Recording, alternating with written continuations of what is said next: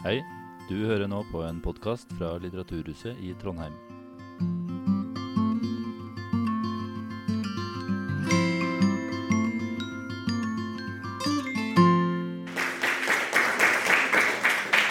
Tusen takk. Eh, Jeg heter Lara Rashid, og jeg elsker mat. Så da jeg ble spurt om å lede denne panelsamtalen om den vanskelige maten, så ble jeg litt sånn Hæ? Jeg tenker på mat hele tida. Jeg spiser ganske ofte. Og når jeg ikke spiser, så planlegger jeg hva jeg skal spise, eller hva jeg skal lage til helgen. Så ofte tenker jeg på mat, og så mye glede har jeg av å tenke på mat. Så derfor lurer jeg litt på hva er det som er så vanskelig med denne maten? Ja, altså, eh, La meg understreke først da, at jeg også kjenner meg veldig igjen i den måten å leve på. Jeg elsker også mat. Eh, og jeg syns at maten er helt fantastisk. Og jeg syns at maten er noe av det viktigste og eh, beste med å være menneske og leve. og at maten spiller en helt utrolig viktig rolle i, i livene til de aller, aller fleste av oss. Eh, ikke bare som ernæring, men også som kultur, som fellesskap, som identitet. Eh, som multisensorisk opplevelse. Eh, og, eh, og, og, maten er mye av det som gjør oss til et samfunn. Jeg mener, Vi ble jo kokker før vi ble mennesker, faktisk. Eh, nei, altså Vi begynte jo, vi begynte jo vi lærte oss å, å mestre ilden og, og varmebehandle mat. Eh, og dermed ta til oss proteiner som, og energikilder som ikke var tilgjengelig for oss før vi var blitt arten Homo sapiens. Eh, så på den måten kan vi si at vi ble kokker før vi ble mennesker. Og det var derfor vi ble mennesker. Eh, så maten har gjort oss til de vi er, og, den spiller en viktig rolle i livet vårt. Men så er det det at eh, maten også har blitt så vanskelig da, for veldig mange. Og For min del så var det noe jeg, begynte å føle på sjøl i mitt liv. Jeg begynte å tenke på eh, miljøspørsmål eh, knytta til maten. Eh, jordbrukspolitikken, som jeg begynte å registrere at ikke var, eh, sto så bra til med. Eh, jeg hørte om problemer i lakseoppdretten. Tenkte kan man spise oppdrettslaks? hva med all soyaen som går i fôret til dyrene? som kommer fra regn, nedhogd regnskog i Brasil. Eh, hva med arbeidsvilkårene for, eh, for, eh, for landarbeidere i verden rundt osv. Um, og så nådde det for min del et, sånt, et slags sånn peak da jeg fikk barn. Og plutselig skulle ha ansvar for noen andre sin mat også.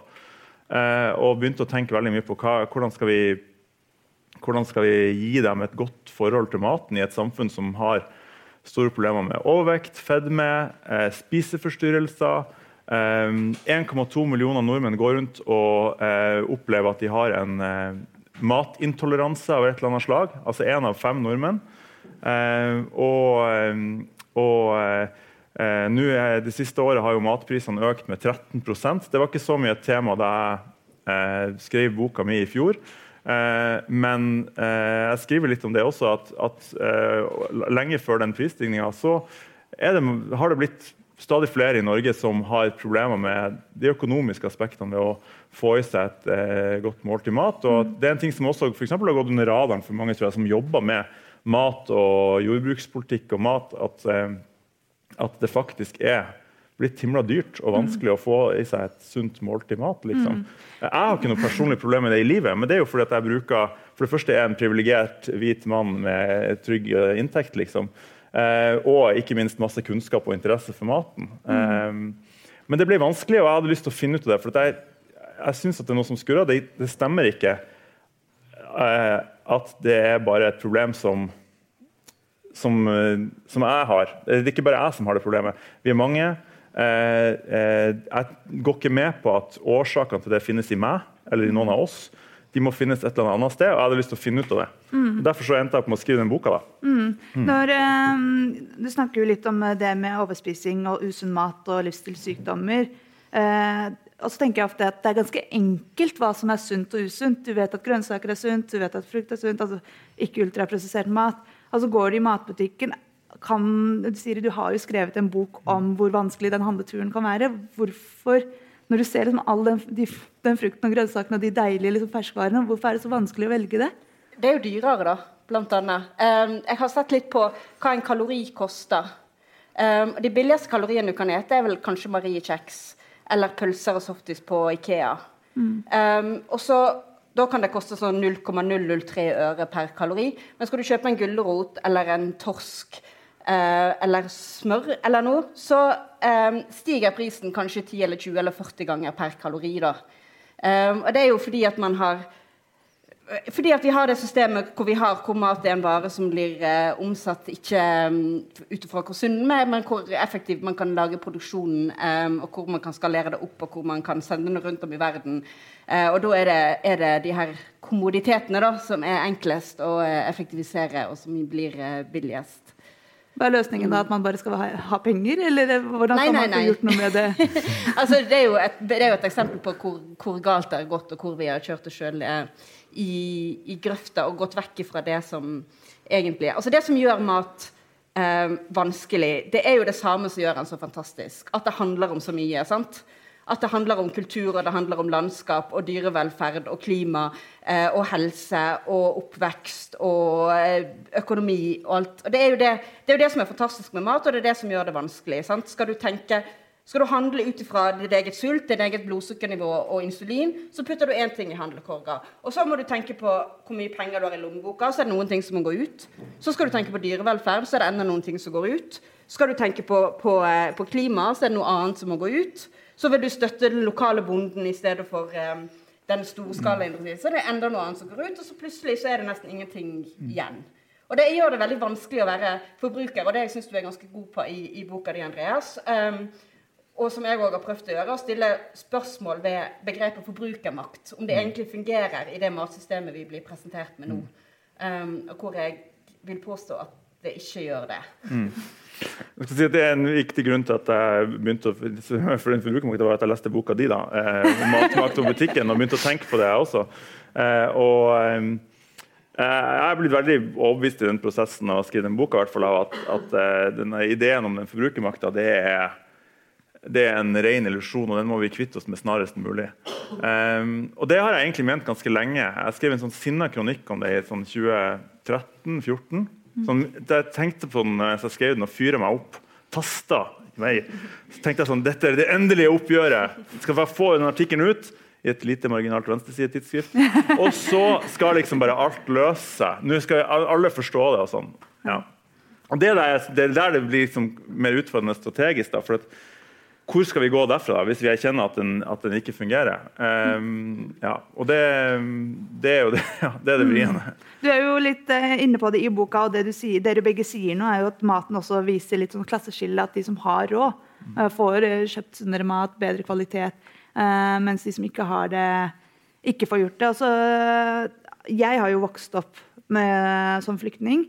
Jeg hadde veldig lite penger, bodde fem år i Irak, eller til jeg var fem år og hvor det var masse sanksjoner hvor vi ikke fikk inn mat til den kurdiske delen av, mat, nei, av Irak fordi Saddam eh, både Vesten hadde satt inn sanksjoner mot Irak, og Saddam Hussein hadde satt inn sanksjoner mot uh, kurderne. Uh, men likevel så har jo Og jeg, jeg er veldig enig i det dere sier, men likevel har min mor alltid klart å lage mat av ingenting. Hun har alltid klart å, Og så er det selvfølgelig helt annerledes fordi vi hadde appelsiner i hagen. Vi hadde tilgang Det var jo ikke vi hadde jo mer tilgang til det. Så lurer jeg på, Er det mulig? Er det sjans for de som ikke har så god råd til å fortsatt klare å lage mm. sunn mat?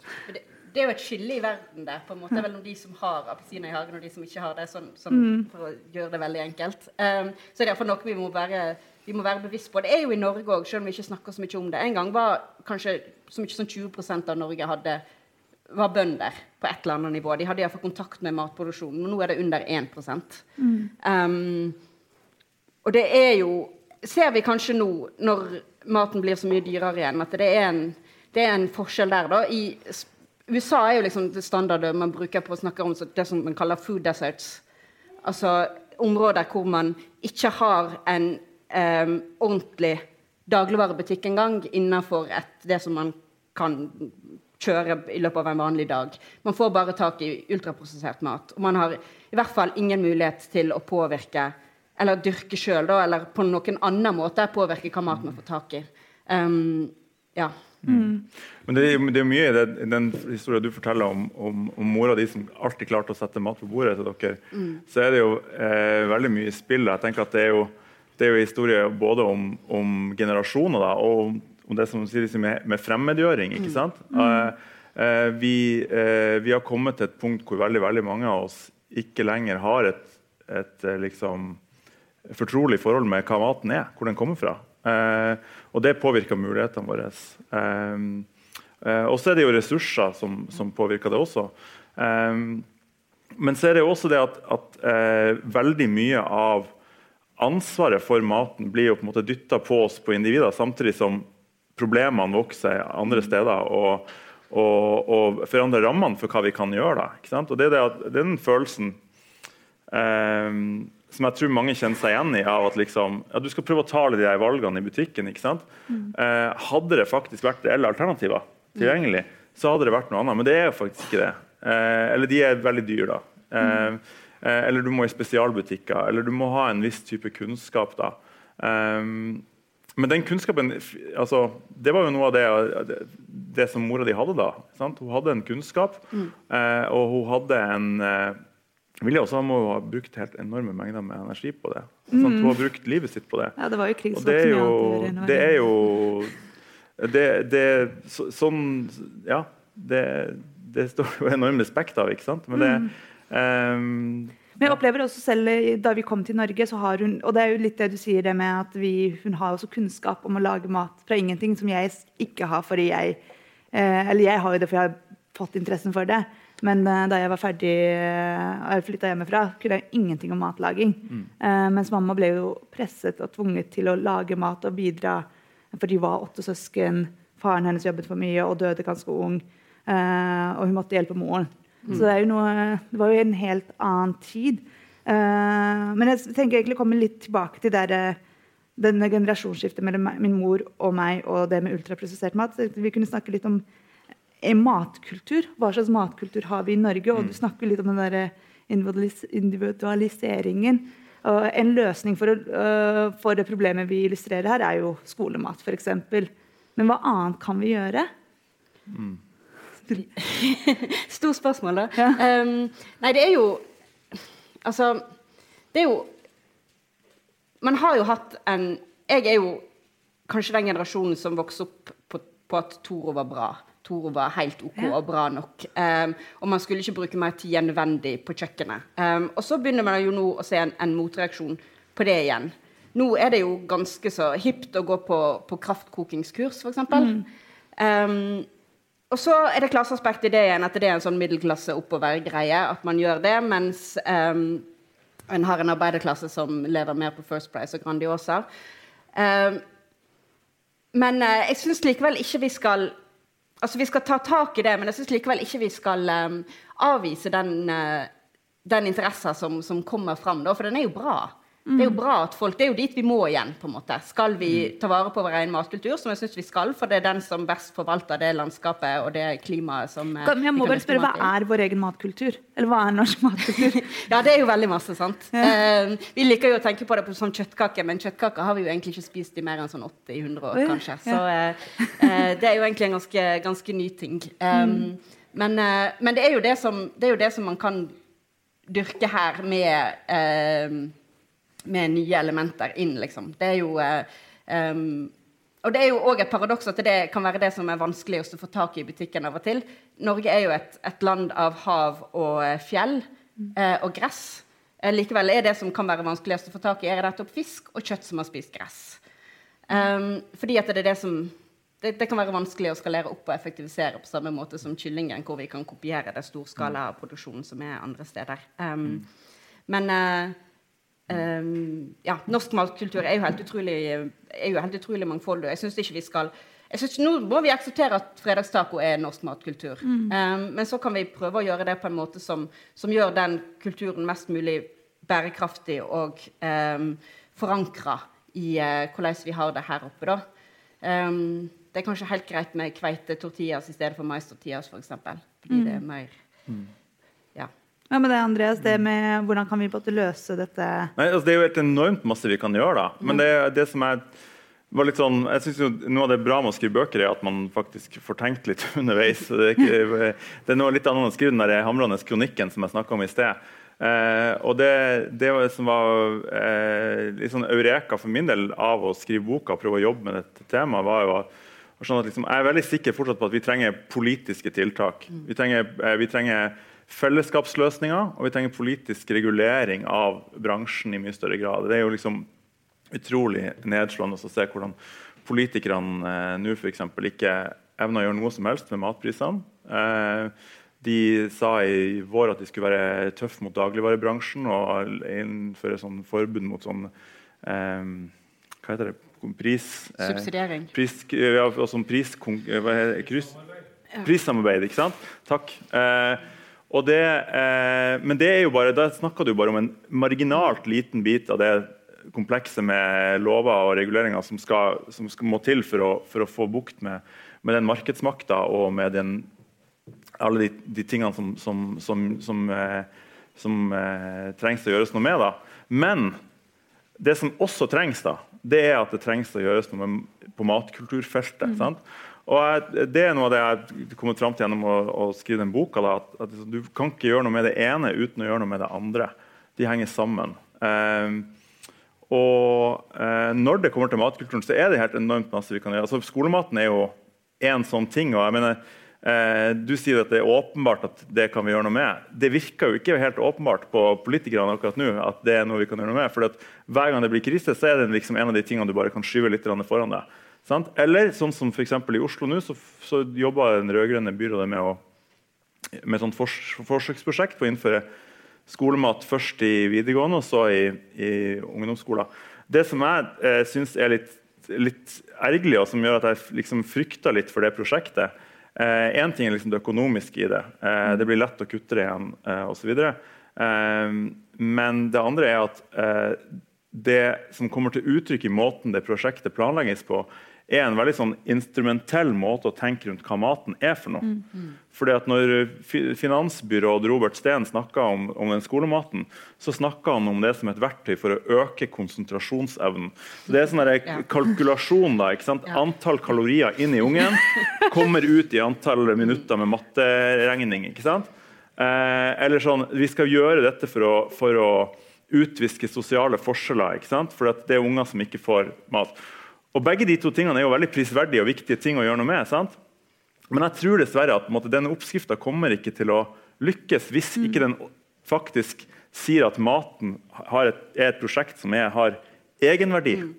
Mm. Eh, og som vi gjør ikke bare for ett eller to politiske mål som Høyre og Arbeiderpartiet kan krangle om, men vi skal gjøre det fordi at dette er noe som er helt selvsagt at vi som samfunn og som, som, som kulturnasjon eh, gjør. Da. Mm. Og da får du alle de bieffektene. Det er først når maten har den egenverdien og den selvfølgelige plassen eh, at du også kan, kan, den kan få virke, sånn som eh, Siri sier, at maten er alt. ikke sant? Og ja. da, eh, Det er først når da maten får lov til å virke sånn som den skal gjøre, at den kan gjøre noe med alt også, og ikke bare de enkelte tingene som Robert Steen er opptatt av. Ja.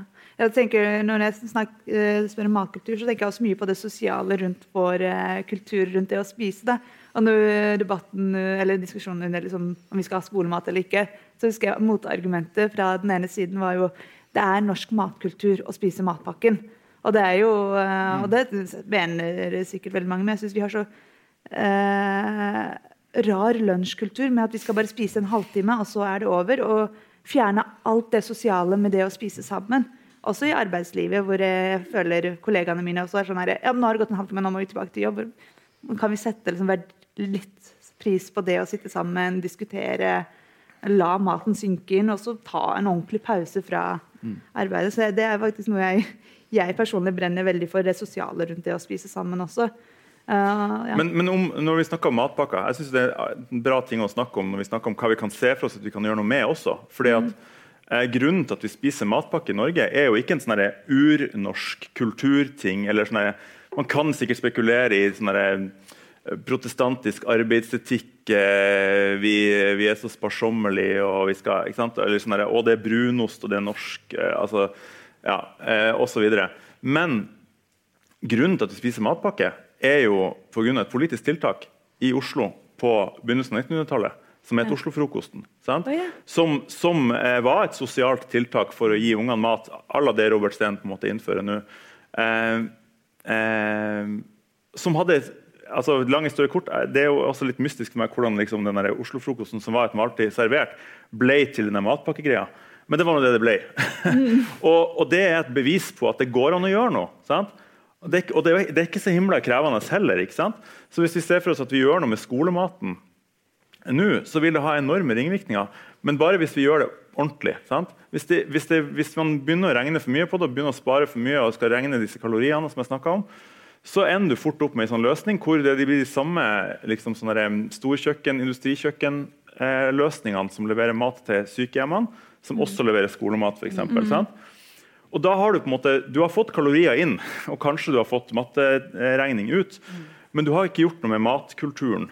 sant? Men kan man gjøre det politisk? Ja, selvfølgelig kan man det. For okay. Du kan jo si at det skal lage et skolekjøkken som er eh, både et fag i skolen. Sant? Du tar det inn via opplæringslova. Da vet vi at da går det fort å få gjort noe med ting. Og så, eh, og så sier du at dette er mat- og helseundervisninga. Eh, det er at vi driver et skolematsystem sant? på skoler. Men skal det Der gå for ansetter vi folk, fag? og så skal jo elevene få lov til å komme inn og lage maten. Sant? Eh, så kan vi ha frivillige pensjonister som er eldre, som kan komme og være der i lag med dem og lage maten. Så kan vi ansette kokker som kan få er leia og utbrent av å jobbe kveld eh, på fine restauranter. De kan få lov til å omskolere seg og lære seg å bli mat- og helsefaglærere. Eh, eh, og så kan de drive dødsfete kantiner på de skolene. Og så er plutselig det eh, det er ikke bare mat- og helsefag. Da er det regninga òg, for da må de jo beregne oppskrifter. Og så er det, eh, så er det naturfag eh, og samfunnsfag, for at de må jo forstå hvor maten kommer fra. og Da må du koble inn bøndene og da må du koble inn foredlerne ikke sant? og så videre. Og så gjør du maten til altså, mener, ja, vi snakker, da snakker vi, I min, min versjon her så snakker vi 20 timer matundervisning i uka. Men har du Liksom. Det er, ikke, det, er ikke et eneste fag du ikke kan ta inn her. Det er masse er norskundervisning. Ja, du Du kan ta det på engelsk, du kan ta det på spansk. Det, ja, det, du Kan du lære mye om andre Ja andre, resten av verden ved å lage litt empanadas eller taco? Eller.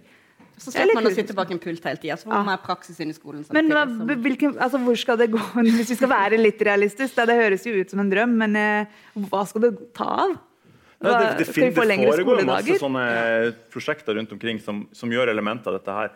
Jeg mener, sånn, det er bare politisk vilje det står på. Eh, og du skal ikke ta noe, for du, du, som sagt, du, du, det er jo fag som du uansett skal ha, ikke sant? som kommer inn i dette her. Eh, så det tror jeg. Men bare for å ta, det er skolematen det er én ting. Og så er det masse andre ting vi kan gjøre også. Jeg, jeg på, så tenkte på det Nå med, nå har vi liksom dyrtid og eh, strømkrise. Eller nå er strømmen billig igjen, men den kommer helt sikkert til å gå opp igjen. Og, eh, og, og matprisene øker. Eh, og forsyningssikkerheten er dårlig, eh, osv. Eh, eller dårligere, i hvert fall. Eh, eh, en ting de gjorde, vi, vi kan lære masse av hva de gjorde under krigen.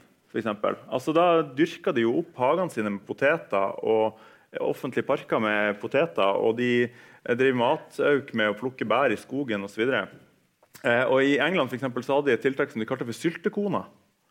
Som var offentlig ansatte eh, med kompetanse på å foredle de ressursene folk hadde rundt seg i hagene sine og i nabolagene sine. Som gikk rundt og hjalp folk med å lære folk å sylte og konservere. Eh, Altså produsere mat og drive matauk. Hvorfor kan vi ikke ha sånne ordninger på permanent basis? Eh, sånn, at, sånn at det ikke blir opp til de enkelte av oss som har råd til å gå på et kraftkokingskurs. Eh, eh, man trenger ikke å gå på det kurset, man kan kjøpe den andre boka med kjøkkenet. Det står der akkurat hvordan du gjør det. Eh, men eh, men eh, så, så, blir det liksom, så blir det noe som alle kan ta del i. da. Så kan vi lage sånne fellesskapsløsninger. Ja. Jeg synes det høres ut som jeg, jeg er ikke politiker, eh, så jeg vet ikke i praksis hvordan Det høres ut som du har en plan da, for hvordan det skal gjøres i praksis, men det, er jo, eh, det kommer jo til å endre veldig vår måte å tenke rundt mat. da. Og se på mat som noe mer enn bare noe vi får i oss for å få energi, men også noe vi deler sammen for å vise kjærlighet og omsorg. Og Det er det forholdet jeg i hvert fall har til mat. Eh, Andreas, du og jeg ble jo kjent eh, pga. vår lidenskap for ganske dyr mat. eh, og fancy restauranter. Og du er jo åpen eh, rødt stemmer, eller velger. Ja. Får jeg lov til å si det? Ja, ja. det er ikke noe hemmelig. og er det Eh, henger det, eller er, er det forenlig, det å stemme Rødt og dra på Credo og Maemo et par ganger i året? Eh, ja, det er det. Ja. Eh, fordi at eh, hva man bruker pengene og fritida si på, det må jo alle få lov til i et fritt samfunn å velge sjøl. Eh, og, eh, og eh, men, det, men det, altså, du pirker jo borti noe som er et, et vrient og litt ømt punkt tror jeg, for mange på venstresida. Eh, eh, som handler om at, at måtte, vi, vi har snakka om at maten er, er Eh, et klassespørsmål og et, og, eh, et ulikhetsspørsmål. Og, og, da er vi jo veldig fort over i, i det som handler om, om smak, f.eks. også. ikke sant? Og eh, at eh, det har rett, i praksis vært et borgerlig hegemoni over matkulturen i, i, store deler i hvert fall den vestlige verden i, i flere hundre år. da. Eh, og, og, Derfor er, det jo forståelige grunner liksom ikke eh, så forenlig å være på venstresida og være opptatt Men jeg, jeg, har lyst til at vi skal forandre det. for jeg tenker at eh, det, For det første så må alle være fri til å gjøre hva de vil. Eh, og for det andre så er jo i mitt, mitt verdensbilde så er det å være opptatt av god mat, sånn som de serverer på Credo, da, f.eks. Eh, selv om jeg eh, altså, Det er helt åpenbart alle har ikke råd til det. sant? Eh, men det de holder på med på Credo, isolert sett som et sånt prosjekt som handler om å bygge en, ikke bare en restaurant, men et helt liksom, kretsløp der ute i Lilleby med Geitmyra Credo, barne, mm. matkultursenter for barn, med Edoramen-restauranten, som, eh, serverer, som lager eh, eh, japanske nudler på norske urkorn, eh, og som, som eh, har kobla to eh, superprogressive gårder, Fannremsgården og Sjølberg Søndre, inn i restaurantkretsløpet som eh, gjenbruker altså det går, det går, ikke matavfall ut av den restauranten. Sant? Det er et type prosjekt som ja, det er elitistisk på den måten at det er kjempedyrt å spise der, men det er også et helt nødvendig liksom, forskningsutviklingsprosjekt som viser oss at det er mulig å gjøre ting på andre måter. Da, mm. Og så skulle jeg ønske da, for det første skulle jeg ønske at alle hadde råd til å gå på restaurant. Mm. Og det, Dit burde vi, det gå an å komme. liksom. Um, men jeg skulle også ønske at vi eh, så at veldig mye av det, det som foregår i, på sånne steder som Credo, da, har stor samfunnsverdi. Som noe mer enn å liksom være eh, til forlystelse for borgerskapet. på en måte. Mm. Eh, og det, den, den restaurantboomen som har vært i, i, i, i, Norden de siste 20 årene, og som så har spredt seg til, til mange andre plasser i verden, har hatt enormt masse for seg i å få folk til å tenke nytt om sesongbetoning, hva det betyr at maten er kortreist, eh, i å koble hele verdikjeden fra jorda til bordet.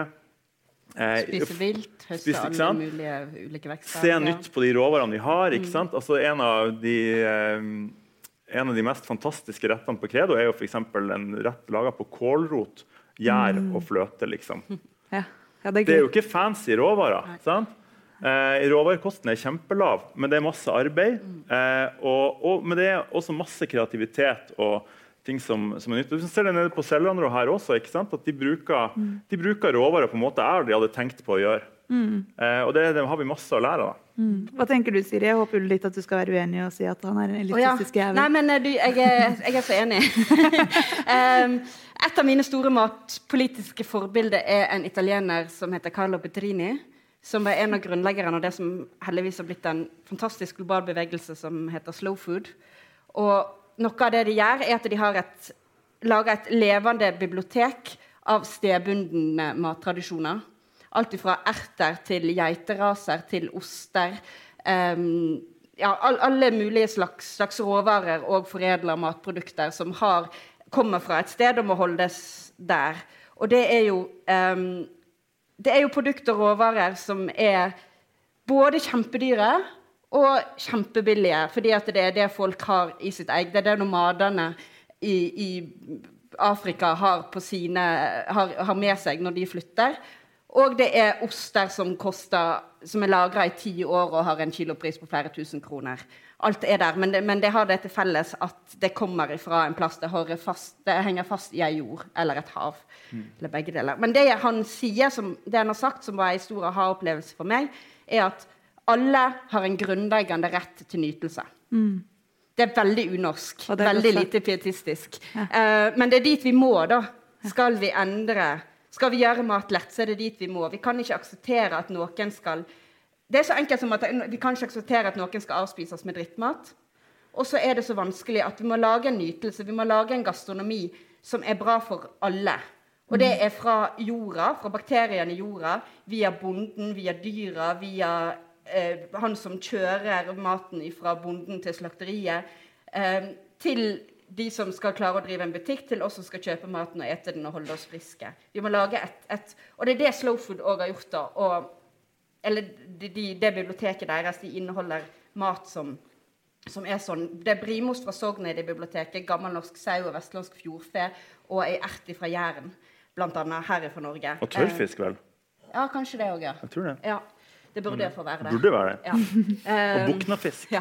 Og det er en gastronomi og en nytelse som, som, bruk, som er det som de gjør på Credo. Da. Eh, men det er òg noe som er mulig å gjøre for folk hjemme, om de ikke har 300 for eksempel, forskjellige gjæringskulturer stående i skapene sine, så må ikke det være der. Um, Men det er det at vi blir ikke fri før det, det er to typer frihet da i butikken. Det er det å kunne velge mellom 20 forskjellige appelsinjuicer.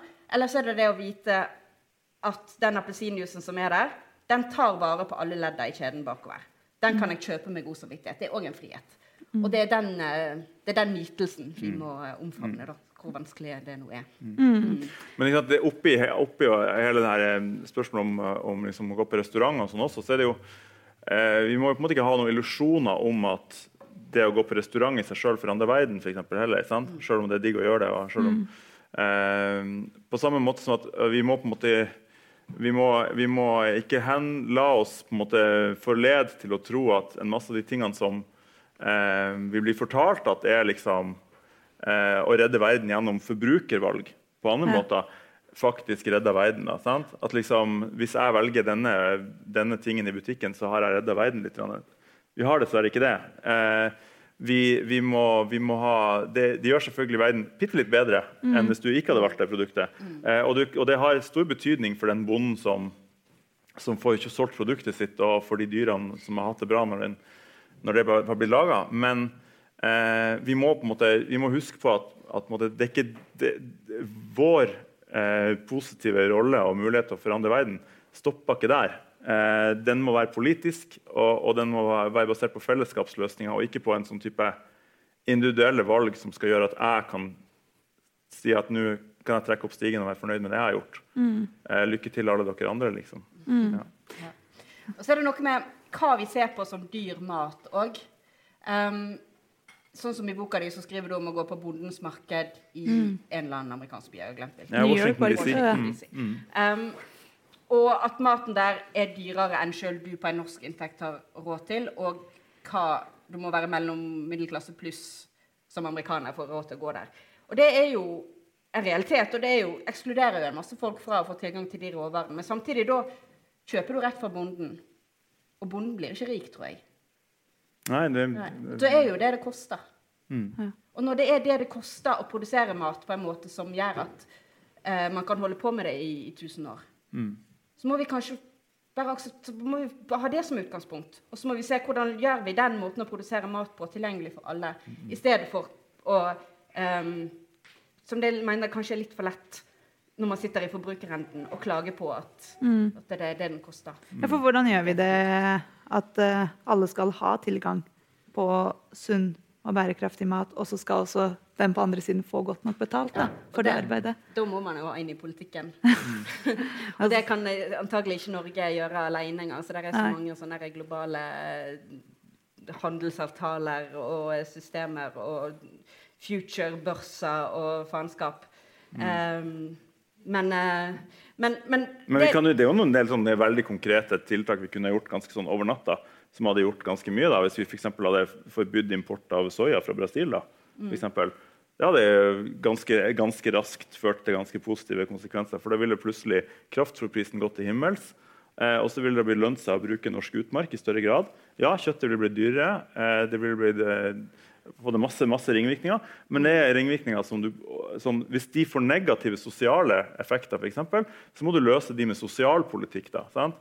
Og det er jo litt den der, der jeg tror at liksom, venstresida også kanskje har liksom gått seg litt fast i en sånn frykt for å gjøre noe med de vanskelige tingene i matsystemet. fordi at det er litt dels fordi det er snobberi å holde på med å være opptatt av mat og kvalitet. sånn. Kvalitetsbegrepet er litt sånn ullent. Pris er mye lettere. Da har du jo, øvrig, da har du jo spilt ballen rett over på Ja. de andre sin banehalvdel. Eh, men men hvis, du, eh, hvis du tør å si at kvalitet betyr noe, og at du skal gjøre noe med å bedre kvaliteten på maten og forholdene for de som jobber i næringa, så, eh, så eh, eh, får det kanskje sosiale konsekvenser, som sagt, men da kan du gjøre noe med de gjennom sosialpolitikken. da. Ja. Pluss, I tillegg må vi huske på at det er en, altså det er en, voldsomt stor mengde folk som jobber i dette matsystemet. Sant? Og det er de samme folkene som har dårlig råd, som, eh, som da vil få bedre råd, og som dermed vil få bedre tilgang sant? på mat også. Sant? Eh, det, er jo, det er jo et paradoks Ja. i det globale matsystemet at jo nærmere du bor på og jo nærmere du er på produksjonen av maten rent fysisk, jo dårligere tjener du, og jo dårligere tilgang har du dermed på, på sunn mat. Ja. Eh, og hvis du snur på hele den verdikjeden, så vil du jo gjøre noe med det fattigdomsproblemet også. Ja. Og så av og til så må man gå helt feil, eller sånn, nesten sånn feil vei. For eksempel tenker jeg et enkelt tiltak man kan gjøre i Norge. Man kan gjøre det forbudt å selge mat med tap. Ja. Um, som er, blir gjort av alle butikker nå. At de har liksom tre nivåer på priser. da. De har noen varer som blir solgt for ca. det det koster. Det den bør koste. Sånn melk og gulrøtter og sånn, f.eks. Ja. Så har de noen mat som blir solgt med veldig høy avanse. Typisk litt sånn luksusvarer. Det vi tenker på som det. Og så har de en del varer som blir solgt med tap. Som de selger med tap for å lokke folk inn i butikkene. eh, Og for å framstå som at de er billige og, og snille. At de presser prisene alt de kan for oss. Um, og det betyr, kan jo bety, På ene siden så kan det jo bety at de med god råd subsidierer de med dårlig råd. Men samtidig så, så skjuler det jo hva mat faktisk koster. Det gjør det, det, det det, det Rema sier, at det er sannheten som står på kassa, eller det som står på kassalappen som teller, det er jo ikke sant. For det som står på kassalappen, har jo ingenting med hva, det, hva, hva butikken har betalt for varene, eller hva verdien av den handlekorga faktisk er å gjøre. Så hvis man hadde tatt, tatt, gjort det forbudt, det har man gjort i flere europeiske land som England og Portugal f.eks., så hadde man fått mer eh, reelle priser i butikkene. Selv om Ja. noen varer ble blitt høyere, så ville kunne andre varer blitt, bare blitt billigere. Og så hadde man hatt mer kontroll. Ja. Men er det, altså, det, Er det etter å ha lest din bok, så jeg skal innrømme jeg ble litt pessimist. Det virker som om eh, for, eh, disse kjedene har så mye mer makt. Da. At det er nesten umulig å rokke ved noe Men det er jo ikke umulig. det er jo bare at de, man må Men det kan jo virke sånn. De har jo prøvd altså Den første stortingsmeldinga om eh, makt, så hvor det ble avslørt alle de maktgreiene i dagligvarebransjen, kom i 2011. Ja. Det er liksom tolv år siden, Ja. og fortsatt så har ikke man klart å gjøre noe. Man har laget et tilsyn som egentlig ikke Men det er mye å lære av, den, av, den, av det som skjedde rundt den stortingsmeldinga. Jeg skriver litt om det i boka, med, med det som, som, hvordan det gikk galt. på en måte. For at den, den, I den stortingsmeldinga ble det foreslått diverse tiltak som kunne ha vært flere viktige steg på veien. F.eks. åpenhet om prisdannelsen. Et helt sånn sentralt punkt. Sant? Vi vet faktisk ikke hvordan de forhandler, og hvordan prisene blir, blir de de blir eh, i butikken. Det kunne man ha gjort noe med. Eh, en masse sånne tiltak. Eh, prisforbud kunne man ha hatt. Man kunne hatt ny franchiselovgivning som styrka de som jobber i butikken, på bekostning av de som eier kjeden. Altså, det er masse sånne ting man kunne gjort. gjort. Alle de tiltakene, hvorfor ble ikke de innført? Det var en, og det her er, det liksom, det her er mye læring og det er mye å snakke om. Liksom, men du hadde, det var en, en melding bestilt av en rød-grønn regjering som ble levert til en rød-grønn regjering som hadde flertall i Stortinget. Og likevel så klarte da den lobbyen å bare Ja, få det til å fisle ut i sanda. Vi har ikke Og det, og jeg tror vi, det vesentligste tingen som mangla der, det var en folkelig matbevegelse. Fordi at de politikerne de sitter der, og de tror da kanskje litt at de er liksom De vet ikke hva slags mandat de har. De er kjemperedde for å gjøre endringer for å bli upopulære. Eh, de blir utsatt for massiv lobby eh, fra den ene sida. Men den mangler lobbyen fra den andre sida. Den mangler den folkelige bevegelsen for maten. da. Og den opplever jeg egentlig er ganske, det engasjementet jo, blir jo bare større og større. Dere, Vi har ikke så god tid, og det er et tema jeg veldig gjerne vil snakke om uh, før vi avslutter, og det er jo ultraprosessert mat. Uh, uh, og, og tidsklemma, egentlig, i hverdagen. Så Begge de tingene på fire minutter. ja, det er, jeg vet det, det var litt håpløst, men det, jeg, skjønner, jeg er også veldig imot å spise for mye ultraprosessert mat. Men når man slutter på jobb klokken eh, fem, nei, klok ja, klokken fem, har barn og alt det der Jeg skjønner ikke hvordan skal det være mulig å gå tilbake til eh, gamle dager hvor man satt hele dagen og lagde ordentlig god kvalitetsmat, men også fortsatt ha likestilling. Har, har dere noe tro på det? At vi fortsatt kan spise god kvalitetsmat, men også Ja, hvor mitt, begge parter jobber? jeg vet ikke, altså min, mitt bud på den løsninga det står, skriver jeg litt om i boka også, det er jo at vi må begynne å lage mat sammen. Altså, Men som meg som er alene, da? Nei, men Ingen- Du må også begynne å lage mat sammen med andre. Vi må lage mat til hverandre. Ja, enig. Det er jo det er 2,5 millioner husstander i dette landet. Ja. Og det er 2,5 millioner kjøkken. Og cirka, jeg vil gjette på at ca. 1,5 millioner av de, de er pussa opp de siste fem årene. Liksom. Folk pusser jo opp over en lav sko. Utrolig flotte kjøkken. De står jo tom. De blir ikke brukt. Eller de blir brukt til å varme opp noe greier. liksom. Det er jo helt bortkasta. Og så går alle hjem og stresser hjem og skal lage mat hver for seg i sitt kjøkken. Og rekker ikke det å få den på bordet før ungene skal på trening. eller hva det nå er for noe. Hva med at vi begynner å lage mat sammen, da? Sant? Fire-fem husstander kan gå sammen, og så Ja. deler man på det. Sant? Eh, vi kan lage det som jeg skriver om i boka mi, skriver om de gamle dampkjøkkenene på 1800-tallet som alle har glemt. Sosiale institusjoner hvor vi lager mat sammen. Vi kan, lage, vi kan hekte på AKS, eller SFO heter det her. Mm. eh, ordninga at ungene kan begynne å meppe som det heter på restaurantkjøkkenet. altså Lage ferdig ting nesten helt ferdig. Eh, ferske, gode, ordentlige ting. Eh, og ta med seg hjem i bokser og varme opp eh, i familien. Fellesskapsløsninger, liksom. Det er det som er løsninga. Og hvis vi begynner å spise sammen, så tror jeg også at vi begynner å lage, bygge den der folkebevegelsen da, som vi trenger eh, for å lage det presset på det politiske også. Nå har veldig mange av vennene mine fått italienske kjærester, og de, de, de har fått en god matkultur nå. Så det kan også være en løsning. Importere Italia. Nei, Et det er tull. kulturutvekslingsprosjekt eller noe sånt. Ja, jeg skjønner. Ja, ja. Siri? Jo, um, nei, det er jo det, det du sier eller det du spør om, er jo egentlig et eks perfekt eksempel på at mat er liksom bare mer enn potet og saus på tallerkenen. sant? For når du sier, kan vi klare det uten å gå tilbake til at kvinner skal stå på kjøkkenet, så, kanskje, så, så kan vi jo tenke at nå, kanskje begge to skal jobbe litt mindre, da. I stedet for at mor i hjemmet skal eh, bare være hjemme, Ja. så kan jo eh, mor være litt mer hjemme og far være litt mer hjemme. Og så har man litt mer tid å lage mat, og så har man litt mindre lønn, men man kan investere litt mer tid, og de får eh, bruke litt mindre penger på mat òg. For det kan jo være rimeligere å forberede ting sjøl.